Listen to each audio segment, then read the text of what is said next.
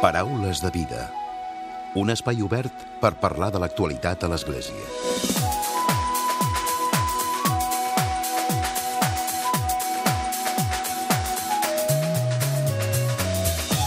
Què tal? Salutacions i molt bon dia, molt bon diumenge. Iniciem una nova temporada del Paraules de Vida amb l'objectiu d'acostar-vos, com sempre, tota l'actualitat del món de l'Església i també des de les seves diferents vessants. Avui el nostre primer convidat és mossèn Josep Maria Turull. El passat mes de juliol va ser nomenat rector de la parròquia i també de la Basílica de la Sagrada Família. De fet, mossèn Turull és el primer rector de la Basílica, ja que ara només hi havia un rector per la parròquia que té la seva activitat en la cripta del Temple de Gaudí. Josep Maria Turull ha estat durant 13 anys el rector del Seminari Conciliar de Barcelona i substitueix Lluís Bonet, que durant 25 anys ha estat també el rector de la parròquia de la Sagrada Família i que ara es jubila. De seguida el saludem. Amb ell conversarem durant la propera mitja hora sobre el repte que suposa aquesta nova etapa com a rector de la Sagrada Família, tot un símbol que projecta la ciutat de Barcelona al món.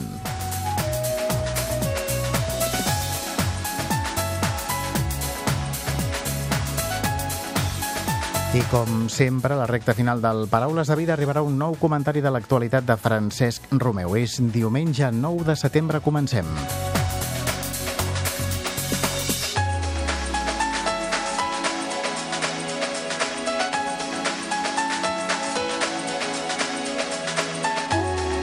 Mossèn Josep Maria Turull, bon dia i benvingut al Paraules de Vida. Bon dia, bona hora. I moltes felicitats. Moltes gràcies i esperem, jo ho dic eh, bastant aquests dies, que sigui per felicitat sobretot dels que vinguin a gaudir de l'obra de Gaudí, que és eh, la Basílica de la Sagrada Família. És tot un repte, no? Certament, molt interessant, molt engrescador i que alhora fa molta il·lusió. Uh -huh. Ara ho dèiem a la portada, el, el mes de juliol es va fer el nomenament, tot i que es començarà ara al setembre, oi? Hi haurà la pressa de possessió. Al mes de juliol van sortir els nomenaments de, de tots els rectors i vicaris i preveres adscrits de les diferents parròquies de Barcelona i entre aquests doncs, va sortir el meu nomenament eh, que es farà efectiu a partir del 29 de setembre, que és quan iniciaré el meu ministeri a la Sagrada Família, després que el cap de setmana abans, el dissabte 22, eh, es farà l'acte d'acció de, de gràcies i de comiat a mossèn Lluís Bonet, perquè precisament aquella setmana celebrarà els 25 anys de rector a la parròquia i els 60 anys de sacerdot, també. Uh -huh. Ara ho dèiem, 25 anys d'ell com a rector, però de la parròquia. Ara hi ha aquesta diferenciació, no?, el que és la parròquia i també la Basílica de la Sagrada Família. Uh, de fet, fins a la dedicació de la basílica, eh, tota l'activitat litúrgica i religiosa es feia a la cripta, perquè era l'única que era hàbil per això. Un cop dedicada a la basílica, va començar a entrar en funcionament també com a, com a església, que és eh, l'únic que en aquell moment va semblar que era millor diferenciar la tasca parroquial, que se centrava a la cripta de la tasca de la basílica, sobretot doncs, perquè la basílica durant doncs, això des del 2010 en què va ser dedicada fins ara al 2018 ha tingut bàsicament una activitat molt centrada en eucaristies extraordinàries de caràcter extraordinari a nivell diocesà i per tant no era tant una qüestió estrictament parroquial.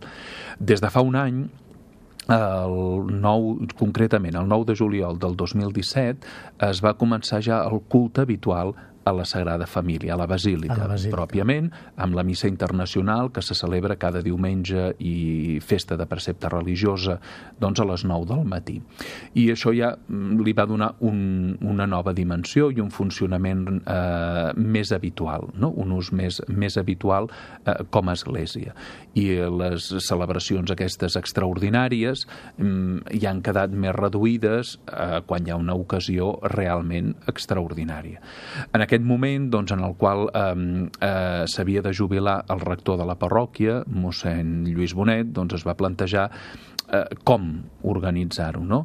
El fet que jo hagués estat l'encarregat de les celebracions litúrgiques a la Basílica des de l'any 2011 doncs, eh, ha fet que a l'hora de nomenar rector i pensessin en mi, creguessin que, eh, que fora útil agermanar els dos elements que ara havien eh, funcionat de manera diferenciada. I llavors, doncs, aglutinar-los perquè, de fet, també a nivell de cara doncs, a la gent de fora és una unitat, no? i que llavors, doncs, que eh, precisament aquestes dues dimensions es puguin enriquir mútuament. Uh -huh de cara en fora com es veurà o com, com es visualitzarà? És a dir, pels creients, pels fidels que hi vagin, com, com serà?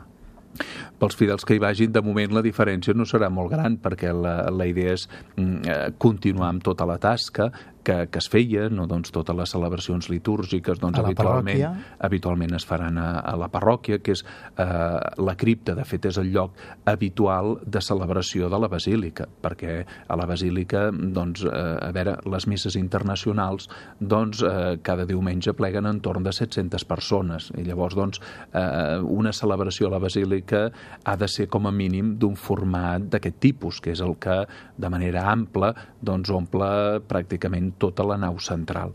Llavors, per tant, això vol dir que habitualment la resta de celebracions es mantindran a la, a, a la cripta, l'únic que, eh, evidentment, hi haurà un, una relació molt més fluida i anirem veient doncs, això, eh, en què es tradueix aquesta qüestió. Probablement algunes de les grans celebracions eh, que, litúrgiques doncs, que es feien a la, a la cripta doncs, probablement s'hauran de fer a la basílica eh, per qüestió d'espai, perquè doncs, eh, això de la mateixa manera que eh, les celebracions més petites no tenen sentit a dalt perquè és un espai excessivament enorme, les celebracions més grans, doncs, eh, a baix, si no s'hi cap, doncs eh, llavors haurem de mirar d'aprofitar precisament eh, la part de dalt, la basílica. La missa internacional es fa al llarg de tot l'any? Exacte, tots els diumenges i tots el, totes les festes de precepte. Uh -huh. Ara ho parlàvem, no?, del fet de, de la projecció que té la Sagrada Família, no?, al uh -huh. món, des de Barcelona cap al món. Home, de fet, aquesta missa internacional eh, ja des del primer moment pràcticament ha aconseguit que tots els diumenges hi participin gent dels cinc continents, no de quatre, sinó dels cinc, inclòs el, el més petit i allunyat com és Oceania, però els primers dies, els, els primers dies que es va fer doncs, eh, es va verificar doncs, amb unes enquestes per saber doncs, d'on provenia la gent, eh, el domini lingüístic al qual pertanyien i el que podíem constatar era això, que realment era eh, per, eh, gent de tot el món. I, de fet, ho hem seguit constatant i el que hem constatat és que mm, realment s'ha pogut aconseguir el que Gaudí volia que és que la gent fes experi una experiència de fe en, en aquest marc incomparable. Evidentment, el marc hi ajuda i dona un to i eh, el, el que realment impressiona és eh, sentir com la gent ho viu, perquè realment doncs, eh, eh, eh, veus allò doncs, que se sent un silenci impressionant que és la suma de l'atenció que un hi posa i d'aquell moment excepcional i aquella celebració única que per a aquella gent suposa eh, viure una Eucaristia a la Sagrada Família. Uh -huh. 25 anys de, de mossèn Bonet uh -huh. com a rector de la parròquia. Suposo que li deixa el llistó ben alt, no? I eh, coneixent molt la parròquia, no? Sí, I la comunitat sí, sí. De, de feligresos. Ell coneix molt la parròquia i coneix molt també tota la basílica de la Sagrada Família, perquè no cal oblidar que el seu pare va ser col·laborador de Gaudí durant molts anys en la construcció de la Sagrada Família i el seu germà, Jordi Bonet Armengol, doncs, va ser doncs, durant molts anys també l'arquitecte en cap de la Sagrada Família i en bona part doncs, ell va fer una ja abans de ser arquitecte en cap una tasca molt important que va permetre que després eh, després de, dels anys 60 doncs, arrenqués amb força eh, la fase de constructiva i i, que, que és de la que encara s'està vivint, amb tota l'empenta. Uh -huh. I com serà la, l'empenta o el camí que ara comença, que començarà a partir del dia 29 mossèn Turull a recórrer? Sí el camí que, que recorrerà mossèn Turull serà un camí de continuïtat amb tota la tasca que s'ha fet, eh, donant-li el color propi doncs, que, que ell té, doncs, que com això cada persona eh, té unes característiques pròpies, però la idea és aquesta, diguem, que eh, re, eh, seguir, doncs, recollir el testimoni de, de tota la tasca feta en aquests 25 anys amb mossèn Lluís, uns 25 anys doncs, eh, en els quals que més o menys doncs, també sempre hi ha hagut una certa relació, perquè jo eh, fa doncs, això l'any 95, quan es va crear el gran arxiprestat de la Sagrada Família i, i va ser arxiprés mossèn Lluís Bonet, doncs eh, jo recordo que vaig arribar a aquest nou arxiprestat, a la parròquia dels Àngels, de la Mare Déu dels Àngels com a vicari, i per tant doncs, ja des de llavors hi ha hagut un, una relació,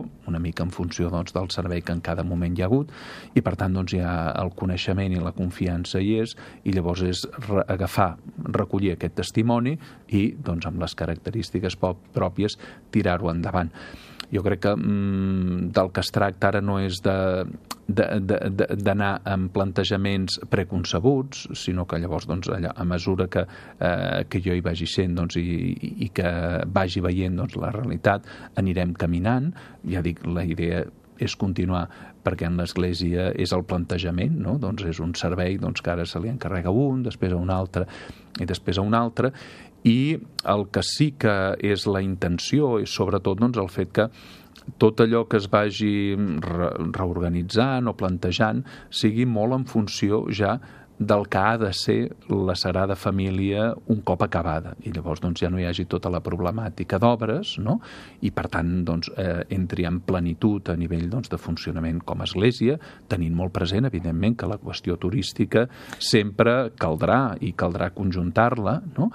però doncs, això que eh, en funció del que hagi de ser un cop acabada, doncs ja que es vagi preveient perquè això no s'executi el dia després d'acabar-se, sinó que ja ara es vagi fent amb aquest plantejament. Pel fet de ser la Sagrada Família sí que hi ha un plus, no? Sí que hi ha una certa pressió, no?, pel, pel rector, pel responsable de... de hi ha un plus cas, de responsabilitat, evidentment, perquè tothom és, eh, tots som conscients, i jo el primer, del mateix que deies, no? és, eh, és un plus de responsabilitat de la ciutat, perquè s'ha convertit en la icona de la ciutat i és moltíssima la gent que venen a Barcelona, sobretot per veure la Sagrada Família, després descobreixen que hi ha coses fantàstiques i que val la pena venir-hi per més coses, entre altres la catedral de la qual jo soc, en soc canonge també, no? Santa Maria del Mar, etc. No? I llavors el, de tota manera, per això, doncs també és una responsabilitat a nivell de ciutat, però és una responsabilitat també a nivell d'església, perquè eh, realment la Sagrada Família s'està revelant com una eina evangelitzadora de primera magnitud, perquè molta gent, doncs, quan entren allà, li cauen els prejudicis antieclesials que sovint porten. Això és important, no? I això crec que és molt important, és un dels grans mèrits i dels grans miracles de Gaudí, encara que de, no són dels que computen aquests, no?, per la beatificació. Però aquest és un element, jo crec, fonamental i per, i per molta gent indiferent o, sent, o, o d'una altra religió, eh, la bellesa de la Sagrada Família, tota la simbologia, obre un munt d'interrogants i, i d'admiració que és l'escletxa per la qual doncs, l'Esperit Sant, des de dins, pot obrir no, la porta del cor d'aquella gent perquè l'obrin eh, a la fe en Jesucrist. Uh -huh. Parlava de la conjugació entre l'aspecte més litúrgic, el, diguéssim, més el de la religió i l'aspecte turístic. No? Com, uh -huh. Això com, com es farà?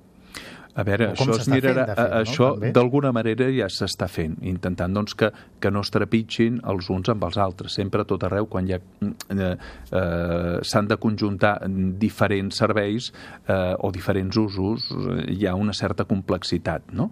Però la idea és poder-lo organitzar de manera que no es facin mal uns amb els altres. De moment ara ja s'ha aconseguit amb el tema aquest doncs, de les misses internacionals, que clar vol dir que quan és, es fa un ús litúrgic, com és a la missa, doncs no es pot visitar turísticament, llavors un cop s'acaba la missa i llavors ja es pot fer la visita turística amb caràcter habitual. No? Uh -huh. Llavors la idea és anar trobant la fórmula. En els, I també tenint molt present una cosa que en diferents llocs ha aparegut i que doncs, jo últimament ho he vist a, a, a una de les basíliques de Betlem, no? el que és la idea que tot aquell que hi entri com a turista en pugui sortir com a pelegrí perquè vol dir que ha fet un itinerari. No? El pas de turista pelegrí ja és un camí, ja és un itinerari que es voldria doncs, això que fos eh, doncs, d'entrada com a mínim no? a, a, a obrir-se doncs, a un element diferent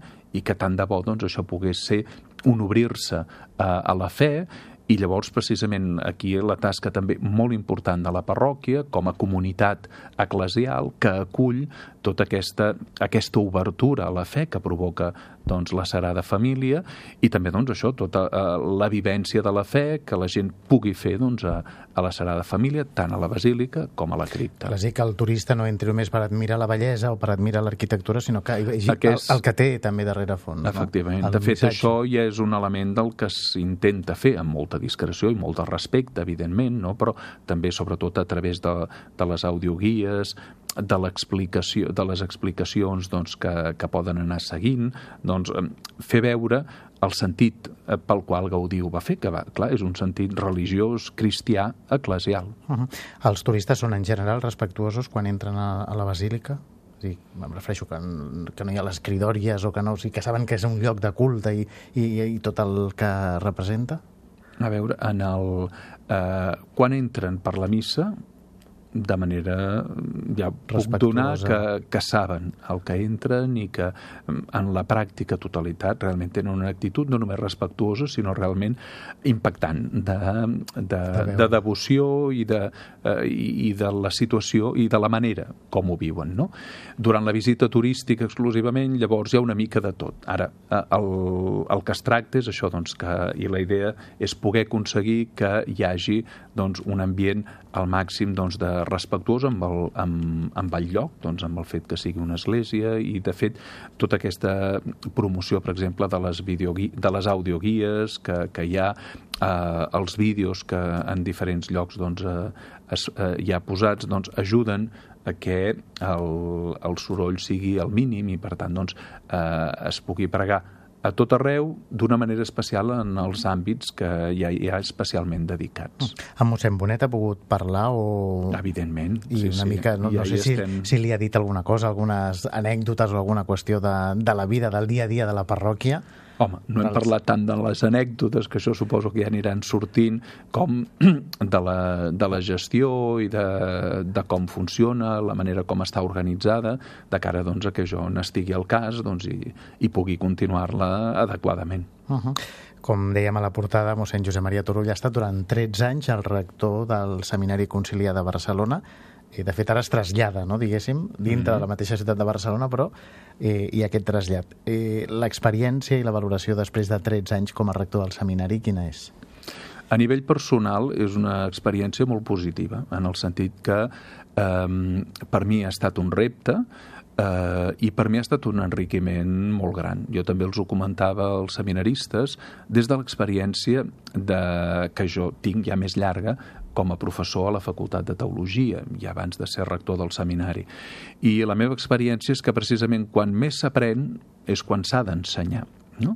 I llavors, doncs, de la mateixa manera, també per mi aquest temps al seminari ha, estat un temps de fantàstica eh, formació permanent, perquè el fet de tenir una responsabilitat de formació dels seminaristes, dels futurs preveres, doncs a mi m'ha format molt no? i m'ha ajudat molt en aquest sentit. I juntament amb això, doncs, eh, el meu servei, doncs, jo, eh, jo el valoro positivament en, en el sentit doncs, de, que eh, hi ha hagut doncs, uns resultats eh, de, que són eh, portar a terme tots els, prevera, eh, tots els seminaristes doncs, que han arribat a preveres, i això doncs, per, eh, per un rector del seminari és un moment de gran goig, no? cada, cada prevera que s'ordena i que doncs, hi has posat el, el teu granet de sorra doncs, perquè sigui el millor prevera eh, que pot ser, perquè estigui el més a punt eh, que pot estar doncs, per ser ordenat, doncs això és, és un gran goig. I llavors, doncs, en aquest sentit, eh, han estat uns anys doncs, que amb la responsabilitat que suposa la formació dels nous preveres, però també han estat uns anys enriquidors i joiosos per això, per veure com eh, podem tenir esperança amb, gràcies també a tots aquests joves que han respost afirmativament a la crida de Déu i que ja són preveres o que ho seran en els propers anys. Per tant, deixa la, la tasca satisfet, no? Sí. Uh -huh. Mossèn Turull, doncs gràcies avui per, per haver-nos acompanyat al Paraules de Vida i molta sort a partir del dia 29, dèiem, no? A partir del 29 de setembre, que ja es fa la presa de possessió. Exacte. Gràcies i fins aviat i molta sort. Gràcies a tu. A reveure. Paraules de Vida amb Emili Pacheco. I tot seguit arriba el comentari de l'actualitat de Francesc Romeu. Francesc, molt bon dia. Molt bon tothom i ben retrobats en començar avui aquesta nova temporada del nostre programa després del descans de l'estiu. La meva previsió durant l'estiu era parlar-vos avui de les paraules del papa Francesc en la cluenda de la novena trobada mundial de les famílies que es va celebrar al cap de setmana del 25 i 26 d'agost a Dublín, Irlanda. Era previsible que allà sortissin alguns temes importants sobre la família i en relació a la posada en pràctica de l'exhortació apostòlica postsinodal Amoris Letizia. Fins i tot alguns esperaven algunes notícies sobre una major acollida dels homosexuals en l'Església, atès que un dels ponents era el famós jesuïta nord-americà James Martin, que té un molt bon discurs a favor d'aquest col·lectiu. Però, informativament parlant, tots se'n van en orris perquè el papa francès li va esclatar de nou tot l'escàndol dels casos d'abusos sexuals a menors produïts per eclesiàstics. Aquest era un risc, tractant-se d'una visita justament a Irlanda, un dels països on més casos s'han fet públics i on més s'ha posat en dubte la credibilitat de l'Església Catòlica. Però la cosa no ha vingut sols per l'Irlanda, sinó que també ens ha esclatat als Estats Units. Una setmana abans del viatge del papa a Irlanda es va fer públic un informe judicial segons el qual a la diòcesis de Pensilvània, als Estats Units, s'implicava a més de 300 clergues en més de 1.000 casos d'abusos a menors. Les xifres certament són escandaloses i ben preocupants. Per això la resposta del papa francès va ser molt ràpida publicant urgentment una carta al poble de Déu on anava ja més enllà de l'anomenada tolerància zero per demanar a tots els fidels una autèntica transformació eclesial i social més profunda que involucri a laics i eclesiàstics a lluitar contra el que el papa anomena els abusos sexuals de poder i de consciència. En la carta es demana ben clarament que davant de qualsevol indici d'abusos es comuniqui i s'actua immediatament evitant així trames i conspiracions futures. Amb aquest clima, el papa va arribar a Irlanda disposat, doncs, a demanar perdó. I ho va fer, repetidament, en quatre dels seus sis discursos. En primer lloc, només arribar i davant del primer ministre irlandès, Leo Varadkar, ja va reconèixer el fracàs de les autoritats eclesiàstiques, bisbes, superiors religiosos, capellans i d'altres, a l'hora d'afrontar adequadament aquests crims repugnants, la qual cosa ha suscitat justament indignació i es manté com una causa de patiment i vergonya per la comunitat catòlica. Jo mateix, va dir el papa, comparteixo aquests sentiments. El papa francès també va expressar el seu desig que la gravetat del que ha succeït serveixi per recalcar la importància de la protecció dels menors i dels adults vulnerables per part de tota la societat. Alguns ens han fet adonar del canvi de to en les paraules del papa, que ja no parla dels casos de pedràstia com un greu pecat, sinó com un delicte i fins i tot com un crim repugnant. Però el que més mal ha fet aquest final d'estiu és el que ja sembla com un complot organitzat contra el papa Francesc i que es va evidenciar quan, aprofitant l'estada del papa a Irlanda, l'antic nunci apostòlic als Estats Units, Carlo Maria Viganó, va fer públic un extens informe en format de carta pública de més de 11 pàgines en les quals involucrava el papa Francesc en l'encobriment de casos de pederàstia i en demanava la seva renúncia immediata. Això va ser com una bomba informativa que clarament volia malmetre la imatge pública del papa francès tot deslegitimitzant-lo. Segons es deia en l'informe, Monsenyor Viganó demana la renúncia del papa Francesc perquè no va respectar les suposades sancions canòniques que en privat hauria més el papa Benet XVI contra l'antic cardenal nord-americà Theodore McCarrick, de 88 anys, que en aquests moments és acusat d'abusos sexuals esdevinguts en el passat. Tot i que fins ara el papa Benet no ha confirmat que mai hagués emès aquestes sancions en privat contra McCarthy, fins i tot el seu secretari personal ho va desmentir, dient ben clarament que això són falses notícies. Quan tornava d'Irlanda, el papa francès va ser preguntat sobre aquest informe publicat de Viganó i el papa, molt respectuós amb el bon criteri dels periodistes, els hi va contestar que no hi dedicaria ni una sola paraula, però que la llegissin i la jutgessin ells mateixos atentament, perquè la carta parla per ella mateixa. Molt bon diumenge a tothom.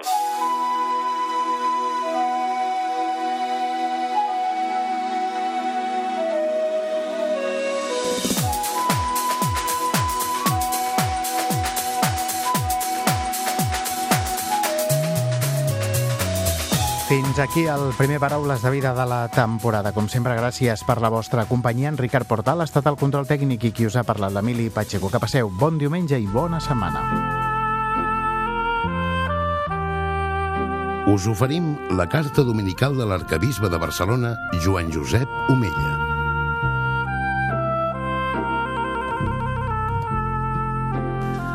Déu vos guard. Davant la Diada de Catalunya, que s'escau el proper dimarts, em venen a la memòria les paraules inicials d'una famosa pregària de Sant Francesc d'Assís. Amb aquestes paraules, molts homes i moltes dones de bona voluntat d'arreu al món s'han dirigit a Déu durant els darrers vuit segles. Són aquestes.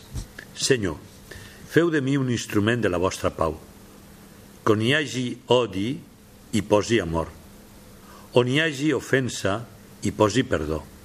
On hi hagi discòrdia, hi posi la unió on hi hagi error hi posi la veritat. Aquest 11 de setembre pot ser un bon dia per fer present l'esperit franciscà tan arrelat a la cultura catalana. En les actuals circumstàncies és possible que algú pensi que això és una utopia, però hi ha utopies que amb la bona voluntat de tots i amb creativitat acaben convertir-se en realitat. I ja ho vam dir els bisbes de les diòcesis catalanes en la trobada del 16 de febrer d'aquest any.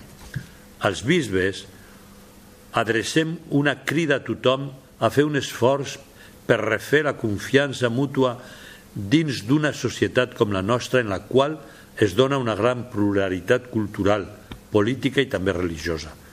La cohesió social, la concòrdia, sentir-nos propers els uns als altres i el respecte als drets de totes les persones que viuen a Catalunya ha de ser un dels nostres objectius prioritaris en aquest moment.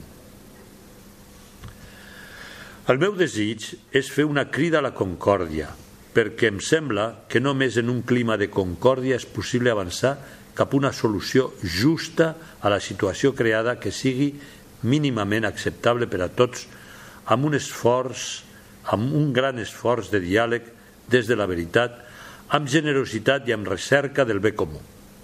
Darrerament hem viscut fets i signes positius en aquesta línia. Tant de bo n'arribin d'altres i puguen crear un clima nou. Que Déu ens hi ajudi. Cal bastir ponts i cal fomentar una convivència vital i confiada. L'Església Catòlica cal que sigui un factor de cohesió social, una instància que cerqui i promogui camins de bona voluntat, camins d'esperança i pau, camins de comunió i no de confrontació. Us demano, doncs, que pregueu a Déu pel nostre poble i que feu vostra la pregària de Sant Francesc. Em sembla que té el mèrit de ser tan universal que la poden fer seva tots els homes i les dones de bona voluntat, sigui quina sigui la seva religió o actitud davant les creences. També recordo que al missal romà hi ha una bonica pregària pel propi país o per la pròpia ciutat que es refereix significativament a l'esperit de concòrdia i que diu Déu Pare nostre, que amb admirable providència governeu el món. Escolteu aquesta pregària pel nostre país, perquè la saviesa de les seves autoritats i honestetat dels seus ciutadans enrobusteixin la concòrdia i la justícia i puguem viure en la pau i en el progrés constants. Només puc afegir-hi que així sigui. Benvolguts germans, bona diada a tothom. Us hem ofert la carta dominical de l'arcabisbe de Barcelona, Joan Josep Omella.